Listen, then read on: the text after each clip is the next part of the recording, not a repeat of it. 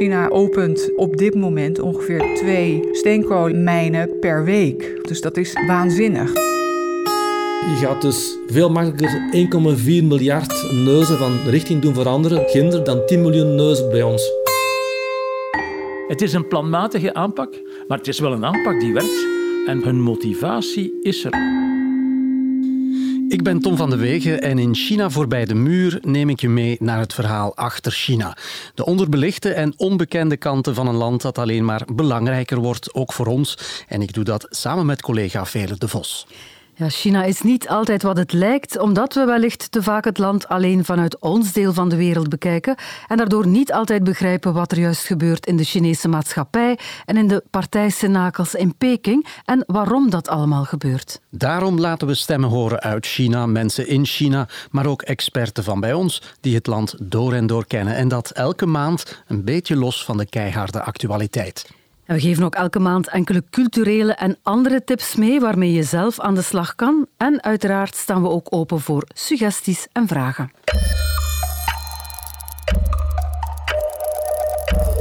China, voorbij de muur. Dag Veerle. Dag Tom. Ja, laatste weken van het jaar, dan weten we dat in die periode ergens ter wereld een klimaattop wordt gehouden. Jij was er trouwens bij in Glasgow twee jaar geleden. Uh, dit jaar is het in Dubai te doen, de COP28. De hele wereld zit daarbij in hè, over het klimaat om maatregelen te bespreken die de klimaatopwarming tegengaan. Maar wat ik me telkens afvraag, wat is nu de rol van China in dit hele verhaal? Je weet, China enerzijds de fabriek van de wereld, grootste vervuiler, anderzijds een groeiende groene supermacht. Maar hoe zit dat nu? Hoe doet China het nu echt? Wel, ik zou meteen met de deur in huis willen vallen en je een fragment laten horen van onze Nederlandse Radio 1-collega's. Feit. Feit. Of fictie. Over uitstoot uh, in Nederland en China. Gisteren zei Tweede Kamerlid Freek Jansen van Forum voor Democratie tijdens de algemene financiële beschouwingen het volgende. In slechts drie dagen stoot China meer CO2 uit dan Nederland in een heel jaar. Wat denk je, feit of fictie? Ja, het klinkt onwaarschijnlijk, maar ik gok dat het juist is. Wel, het is iets minder. Nederland stoot op één jaar evenveel uit als China op vier dagen. Dus het is een dag meer dan die man beweerde. Maar als we dat omrekenen naar ons land, dan klopt het wel. Ik heb de cijfers er nog eens bijgenomen. China stoot evenveel CO2 uit op drie dagen als België op een heel jaar. Concreet wil dat zeggen, wij stoten vorig jaar 96 megaton CO2 uit. China maar liefst 11.336. Ja, dat is heel veel natuurlijk. En ik hoor sommige mensen al denken, ja, waarom zouden wij hier in ons land zoveel klimaatinspanningen doen? Huizen isoleren, zonnepanelen leggen, warmtepompen installeren enzovoort. Het is toch allemaal de schuld van de Chinezen. Ja, dat is een uh, terechte opmerking. En iemand heeft daar zelfs een boek over geschreven met de titel Het is allemaal de schuld van de Chinezen. Tine Hens is dat, journalist en auteur, gespecialiseerd in klimaat. Ik heb die vraag ook meteen aan haar voorgelegd. Is het inderdaad allemaal de schuld van de Chinezen? Ik denk dat de ondertitel van mijn boek belangrijker is en andere dooddoeners over het klimaat. Dus daar zit eigenlijk het antwoord dan al in vervat. Nee, het is absoluut niet de schuld van de Chinezen. Maar die titel schetst wel hoe we over klimaatverantwoordelijkheid praten. We zijn nogal geneigd om de hele tijd de schuld of de verantwoordelijkheid van ons af te schuiven. En natuurlijk, als iedereen dat doet, ja, dan gebeurt er te weinig. Ja, bovendien, zegt Tine, loopt die vergelijking eigenlijk mank. Want als je dat omrekent naar het aantal inwoners, dan stoot een gemiddelde Chinees nog altijd veel minder uit dan een gemiddelde Belg. En zeker minder dan een gemiddelde Amerikaan, want die spannen nog altijd de kroon. Komt daar nog bij, China is inderdaad nog altijd de fabriek van de wereld alles wat wij hier gebruiken. Ik vermoed die microfoon die jij nu vasthoudt, de telefoons die wij hebben, worden eigenlijk allemaal in China geproduceerd. Dus eigenlijk onze consumptie wordt meegeteld in de uitstoot van China. Dus dan zit je met de vraag, maar wie is nu eigenlijk echt de schuldige? En dan is het antwoord, ja, we zijn gewoon allemaal verantwoordelijk, maar In het noorden dragen we gewoon een grotere verantwoordelijkheid, omdat wij veel vroeger begonnen zijn met die uitstoot. Klopt natuurlijk. Ja, de historische vervuiling sinds de industriële revolutie, daar zijn wij in het Westen voor verantwoordelijk. En ontwikkelingslanden waar China zich nog altijd bij aansluit, eisen dat dat in rekening wordt gebracht. Ik heb dat gevraagd aan Ardi Bouwers, China-deskundige aan het Haag Centrum voor Strategische Studies, hoe ze daar in China naar kijken. Wat in de Chinese pers heel veel gebeurt, is dat ze naar eh, cumulatieve cijfers, dus opgetelde cijfers van bijvoorbeeld 1850 of, of 1750 tot 2020 kijken. En dan zeggen ze, als je cumulatief kijkt, dan is de VS de wereldkampioen CO2-uitstoot. Eh, en dan is, is China maar een kwart of een derde daarvan. Als je kijkt naar de cijfers van vandaag, dan is China verantwoordelijk voor de grootste uitstoot ter wereld, dus het land met de meeste uitstoot. Grootste uitstoot dus maar, zegt China. We hebben ook recht op vervuiling. Wij zijn nog in volle ontwikkeling. We leggen het parcours af dat jullie in het Westen ook hebben afgelegd. Ja, die redenering houdt steek. Maar uh, er is wel een belangrijk keerpunt geweest, dat zegt Tine Hens ook. Er is een moment waarop China die slachtofferrol voor een stuk heeft losgelaten en plots wel ging meetrekken aan de kar. En dat was in 2015 tijdens die belangrijke klimaatconferentie in Parijs. De Amerikaanse president Obama heeft op dat moment eigenlijk heel directe bilaterale onderhandelingen gevoerd met de Chinese president Xi. En daar is ook een beetje de houding van China gekeerd. En dat is eigenlijk een heel belangrijke geweest. Nu, dat betekent niet dat die rechtvaardigheidseis van tafel is. Ja, en dus sindsdien bewandelt China een dubbelspoor, zegt Tine Hens. Aan de ene kant volop investeren in groene energie, maar aan de andere kant zal hun uitstoot nog toenemen tot 2030. Nu, de vraag is natuurlijk, waarom zijn ze van houding veranderd? Hè? Wat is er precies gebeurd dat ze in Peking toch bereid werden om hun steentje bij te dragen? Ik denk dat je niet ver moet teruggaan hè, naar afgelopen zomer. In China is code rood afgekondigd uit vrees voor tyfoon Doksuri, een van de zwaarste stormen van de afgelopen jaren. 车辆随着汹涌的水流再次发生翻滚。As China continues to lead global carbon emissions, it's also experiencing record-breaking heat and extreme weather. De voorbije weken werden wereldwijd warmterecords gebroken, onder andere in China. In June, temperatures averaged 33 degrees Fahrenheit higher than normal. Ook China kampt met wateroverlast na zware regen in een noordelijke bergstreek. Er is sprake van minstens 20 doden. According to UN figures, China is one of the world's most exposed countries to the impact of climate change. Ja, voor de Chinezen is die wake-up call al even bezig. Ik herinner me toen ik in China woonde tussen 2007 en 2012 dat de Chinezen aanvankelijk ja, toch wel raar naar ons keken toen we met die mondmaskers tegen de vervuiling rondliepen en luchtfilters kochten voor elke kamer in ons appartement. Dat we bijna geobsedeerd waren door die luchtkwaliteit, zeker in de aanloop naar de Olympische Spelen in 2008. Ja, was dat voor de Chinezen dan zo anders? Wel, voor Chinezen die ik toen sprak, was die zware smog geen vervuiling, maar ja, gewoon wat mist. Hè. Maar dat is intussen 15 jaar geleden. Enkele weken terug was ik nog in China en de jonge Chinezen die ik daar gesproken heb, eh, zijn echt wel bezorgd over het klimaat. Luister even naar Kiki. Climate change and all the disasters are happening. Which is a bit scary, but we are already fighting for it for years, I believe. Als je kijkt naar de gevolgen van klimaatverandering, dus de extreme van heel erg warm op sommige tijden en droog en heel erg nat in andere periodes op andere plekken, dan staat China eigenlijk wel altijd op die kaartjes als een risicogebied. En als ik kijk naar het beleid wat je van de Chinese autoriteiten ziet van de afgelopen periode, dan nemen ze klimaatverandering en maatregelen daartegen nemen ze wel degelijk serieus. En ik vul daar graag nog op aan. Die klimaatverandering kan ook een bedreiging zijn voor de communistische partij natuurlijk. Want stel je maar eens voor dat het volk in opstand komt als gevolg van al die rampspoed. Ja, dat is een nachtmerrie voor de partij. Hè? Ja, de strijd tegen klimaatopwarming is dus van levensbelang voor China en zijn machthebbers. En dus doet de Chinese Communistische Partij waar ze goed in zijn. Hè? Lange termijn plannen maken. Ja, en concreet heeft China de wereld beloofd om tegen 2060 koolstofneutraal te zijn. Maar eerst gaat die uitstoot inderdaad nog omhoog tot 2030. Wat China zegt, ze hebben officieel een mooie kreet hiervoor, het 30-60 beleid. Dus het idee is CO2-uitstoot mag blijven groeien tot 2030. Daarna moet het gaan dalen. Europa heeft een doel om voor 2025 eh, te pieken. Dus China neemt een beetje meer tijd en zegt ook wij hebben meer tijd nodig dan jullie in het Westen, want we lopen achter in ontwikkeling. Om dat te doen moet er ongelooflijk veel gebeuren. En als je kijkt naar wat er aan investeringen is in duurzame energie, dus enorme parken van zonnecellen, heel veel uh, investeringen in windmolens, dan is het niet ondenkbaar dat het ze gaat lukken, maar dat is wel een forse uitdaging. Ja, en als je dat allemaal bij elkaar optelt, dan kom je tot nog zo'n ongelooflijk cijfer. China investeert jaarlijks evenveel in groene technologie als de rest van de wereld samen.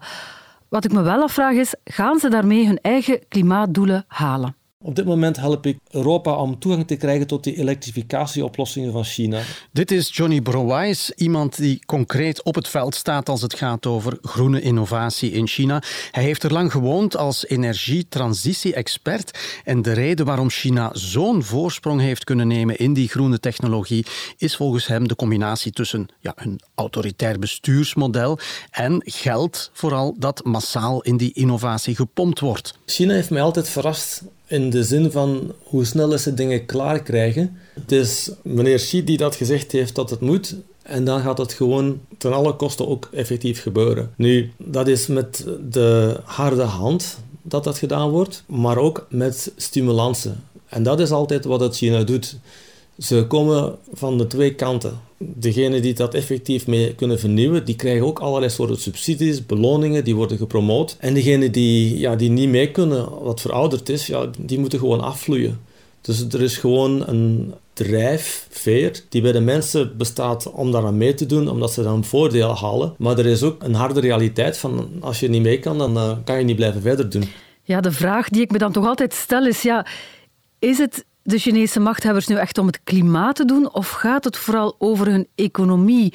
Want die bedrijven waarover Johnny Browise het heeft, ja, die verkopen intussen natuurlijk hun zonnecellen, hun windmolens en elektrische wagens aan de hele wereld. Ja, dit is wat Johnny hierover denkt. De Chinezen spreken van dat de bergen en de rivieren het grootste nationale rijkdom zijn. En dat is de Chinese manier om te zeggen dat het milieu belangrijk is. Aan de andere kant uh, willen ze ook economisch sterk zijn. Dus uiteraard zijn dat de twee zaken die alle twee belangrijk zijn.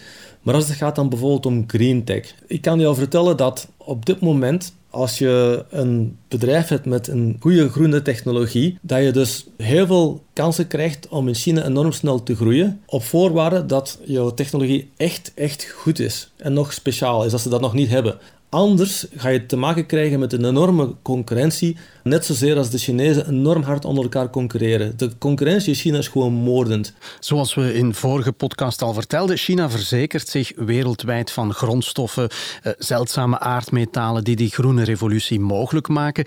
Niet alleen de ontginning, maar vooral de verwerking van die grondstoffen of het nu gaat om lithium of kobalt of noem maar op, eh, dat zit allemaal in Chinese handen. En met Europa zijn we voor 98% al afhankelijk van China als het over zeldzame aardmetalen gaat. China heeft natuurlijk al decennia geïnvesteerd in toegang tot grondstoffen op het Afrikaanse continent, in Latijns-Amerika, Rusland voor een deel. Dus ik denk dat wij in Europa ons huiswerk inderdaad wat beter moeten doen. Een tijdje geleden sprak ik met een manager van een groot Chinees eh, bedrijf over en die zei: Ja, jullie kunnen ook bijvoorbeeld zonnepanelen produceren, maar ook allerlei andere productie zelf doen. Alleen gaat er even een paar jaar overheen. En je moet dan voor lief nemen als je allerlei zeldzame aardmetalen wil mijnen, als je die boven de grond wil halen, dat dat gepaard gaat met flink wat vervuiling. Ja, dat klinkt allemaal heel mooi. Hè? China die de wereld gaat helpen om over te schakelen op groene technologie, terwijl de vervuiling wel bij hen blijft zitten. Maar er is nog één olifant in de kamer waarover we het nog niet hebben gehad, en dat is steenkool. Als we het aan het begin hadden over China als grootste producent van broeikasgassen, dan komt dat voornamelijk uit de energiesector. Meer dan 60% van de elektriciteit wordt in China nog altijd opgewekt door de verbranding van steenkool. En dat vermindert voorlopig niet, integendeel. China opent op dit moment ongeveer twee steenkoolmijnen per week.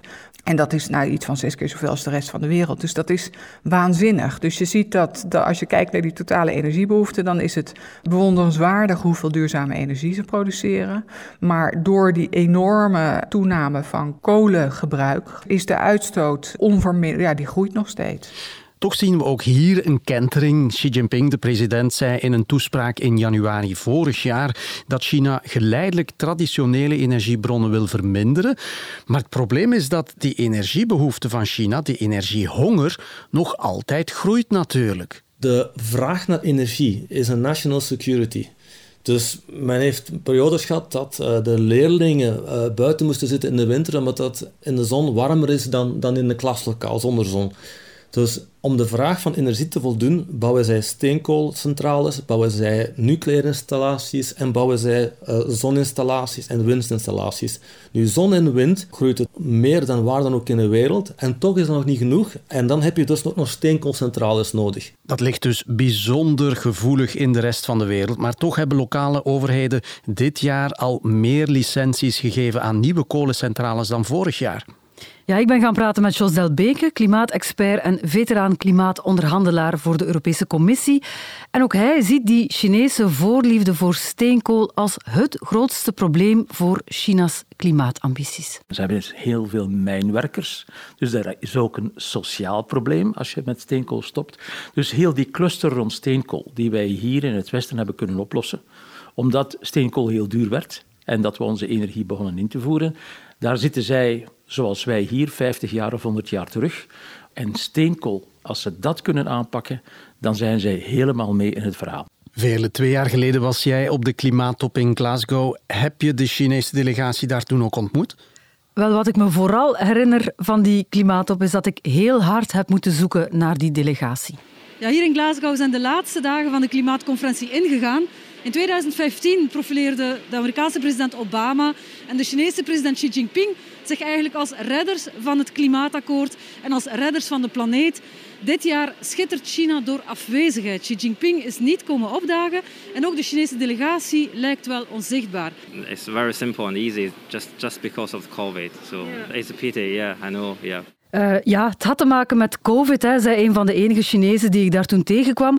Maar president Biden verweet de Chinezen op die top om niet ambitieus genoeg te zijn, te veel aan steenkool te blijven hangen en niet snel genoeg te willen gaan. Nu, een paar dagen later, net voor het einde van de top, doken ze plots toch op in de vorm van klimaatonderhandelaar Xie Zhenghua, die daar toen op zijn sportschoenen rondliep, herinner ik mij, omdat dat complex enorm groot is. En onverwacht gaf hij daar een persconferentie samen met zijn Amerikaanse evenknie John Kerry.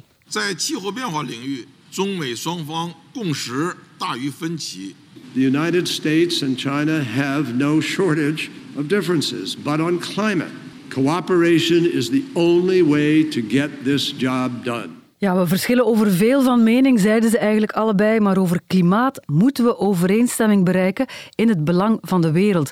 Nu, een fijne opmerking van Xie Jinping tussendoor was eigenlijk, ja, wij in China, wij maken onze beloftes waar en dat was eigenlijk een steek naar de Amerikanen, die hun klimaatplannen nog altijd door het parlement moeten goedgekeurd krijgen. Nu, uiteindelijk bleek die gezamenlijke verklaring van China en de VS de belangrijkste doorbraak van die hele top.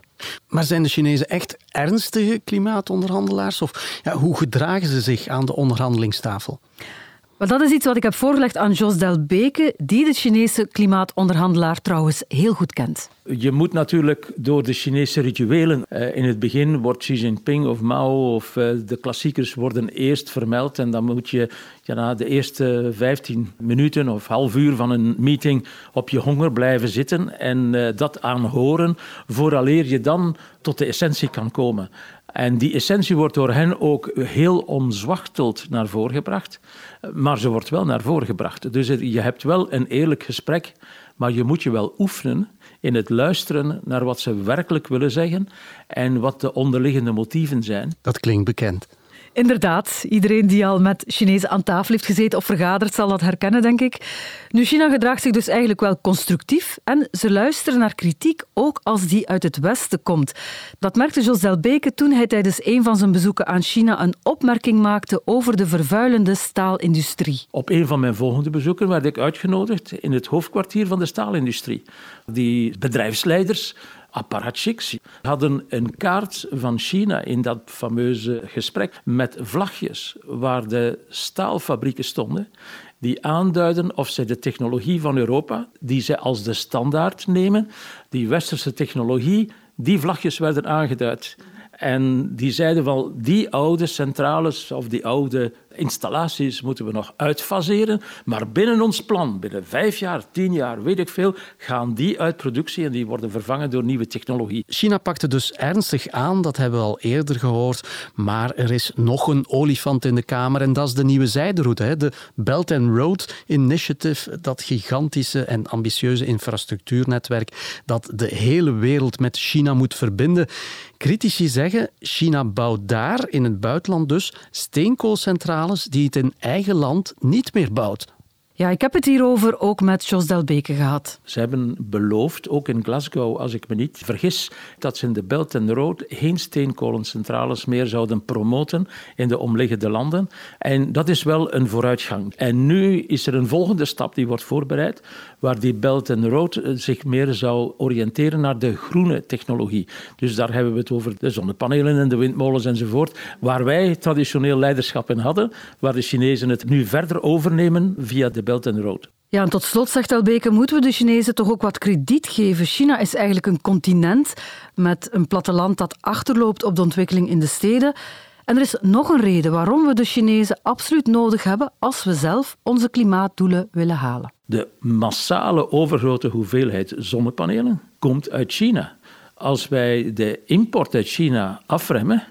en als we het zelf willen gaan doen, dan gaan die zonnepanelen twee of drie of vier keer zoveel kosten. En het feit dat China is blijven investeren en is blijven die zonnepanelen goedkoper aanbieden, heeft ons wel zeer geholpen om die sector uit te rollen. Het is nog maar een paar jaar geleden waar we in Vlaanderen zaten te bakkeleien over de subsidies aan de zonnepanelen, leggers enzovoort.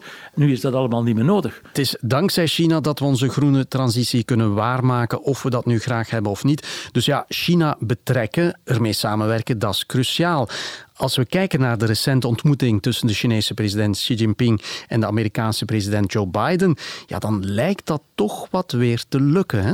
Ja, want de gesprekken over klimaat die waren in de zomer van 2022 volledig stilgevallen. Hè, na dat bezoek aan Taiwan door Nancy Pelosi, de toenmalige voorzitter van het Huis van Afgevaardigden. Maar nu zijn de Chinezen en de Amerikanen precies toch wat dichter bij elkaar gekomen. Ze zitten terug aan tafel over het klimaat.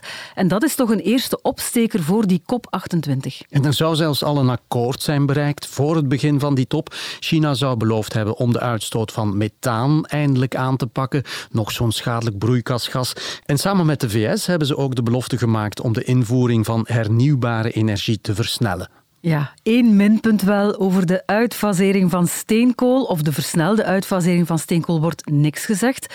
Nu, klimaatexperten vinden het inderdaad een hoopvol teken dat de twee grootste vervuilers weer samen aan tafel zitten.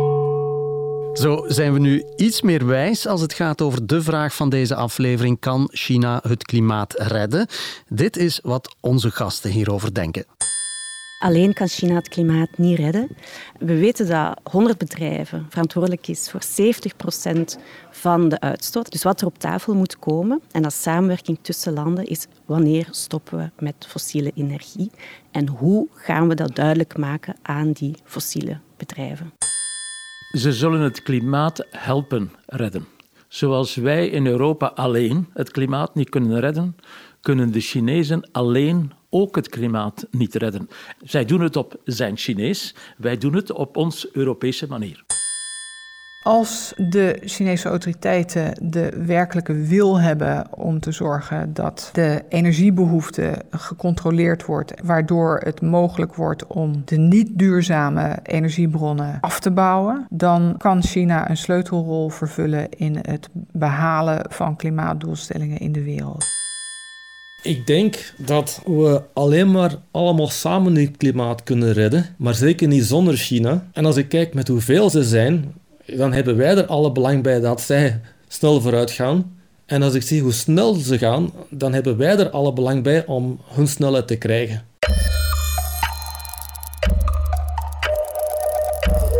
China, voorbij de muur. Ja, we hebben aan het begin ook nog cultuurtips beloofd. Tom, wat heb jij deze keer? Wel, ik heb een boek meegenomen met de titel De Spijker. Een toch wel aangrijpend en spannend verhaal is dat van twee Chinese jeugdvrienden die elkaar terugvinden na 18 jaar. Ze vertellen elkaar hun levensverhaal en ontdekken de toch wel ja, gruwelijke geheimen van hun grootvaders. En tegelijkertijd krijg je ook het bijzondere verhaal van China van de voorbije 70 jaar mee tegen de achtergrond van die belangrijke historische gebeurtenissen. Denk maar aan de culturele revolutie. Ja, ik hou wel van zo'n boeken die dat subtiel met elkaar verweven. Het is van de Chinese schrijfster Zhang Yueran, die hiermee internationaal is doorgebroken. Een van de meest invloedrijke auteurs van China van dit moment. En, dat is toch bijzonder denk ik, ze komt binnenkort naar ons land, naar het Made in China Festival in Gent, dat in maart van volgend jaar de Chinese cultuur in de kijker zet. Meer daarover later uiteraard. Ja, en mijn cultuurtip begint met deze muziek.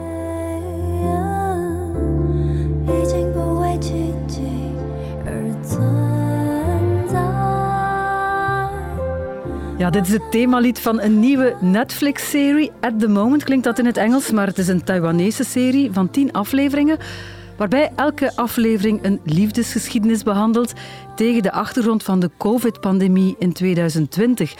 Nu, de serie inspireert zich een beetje op de Amerikaanse tegenhanger Modern Love.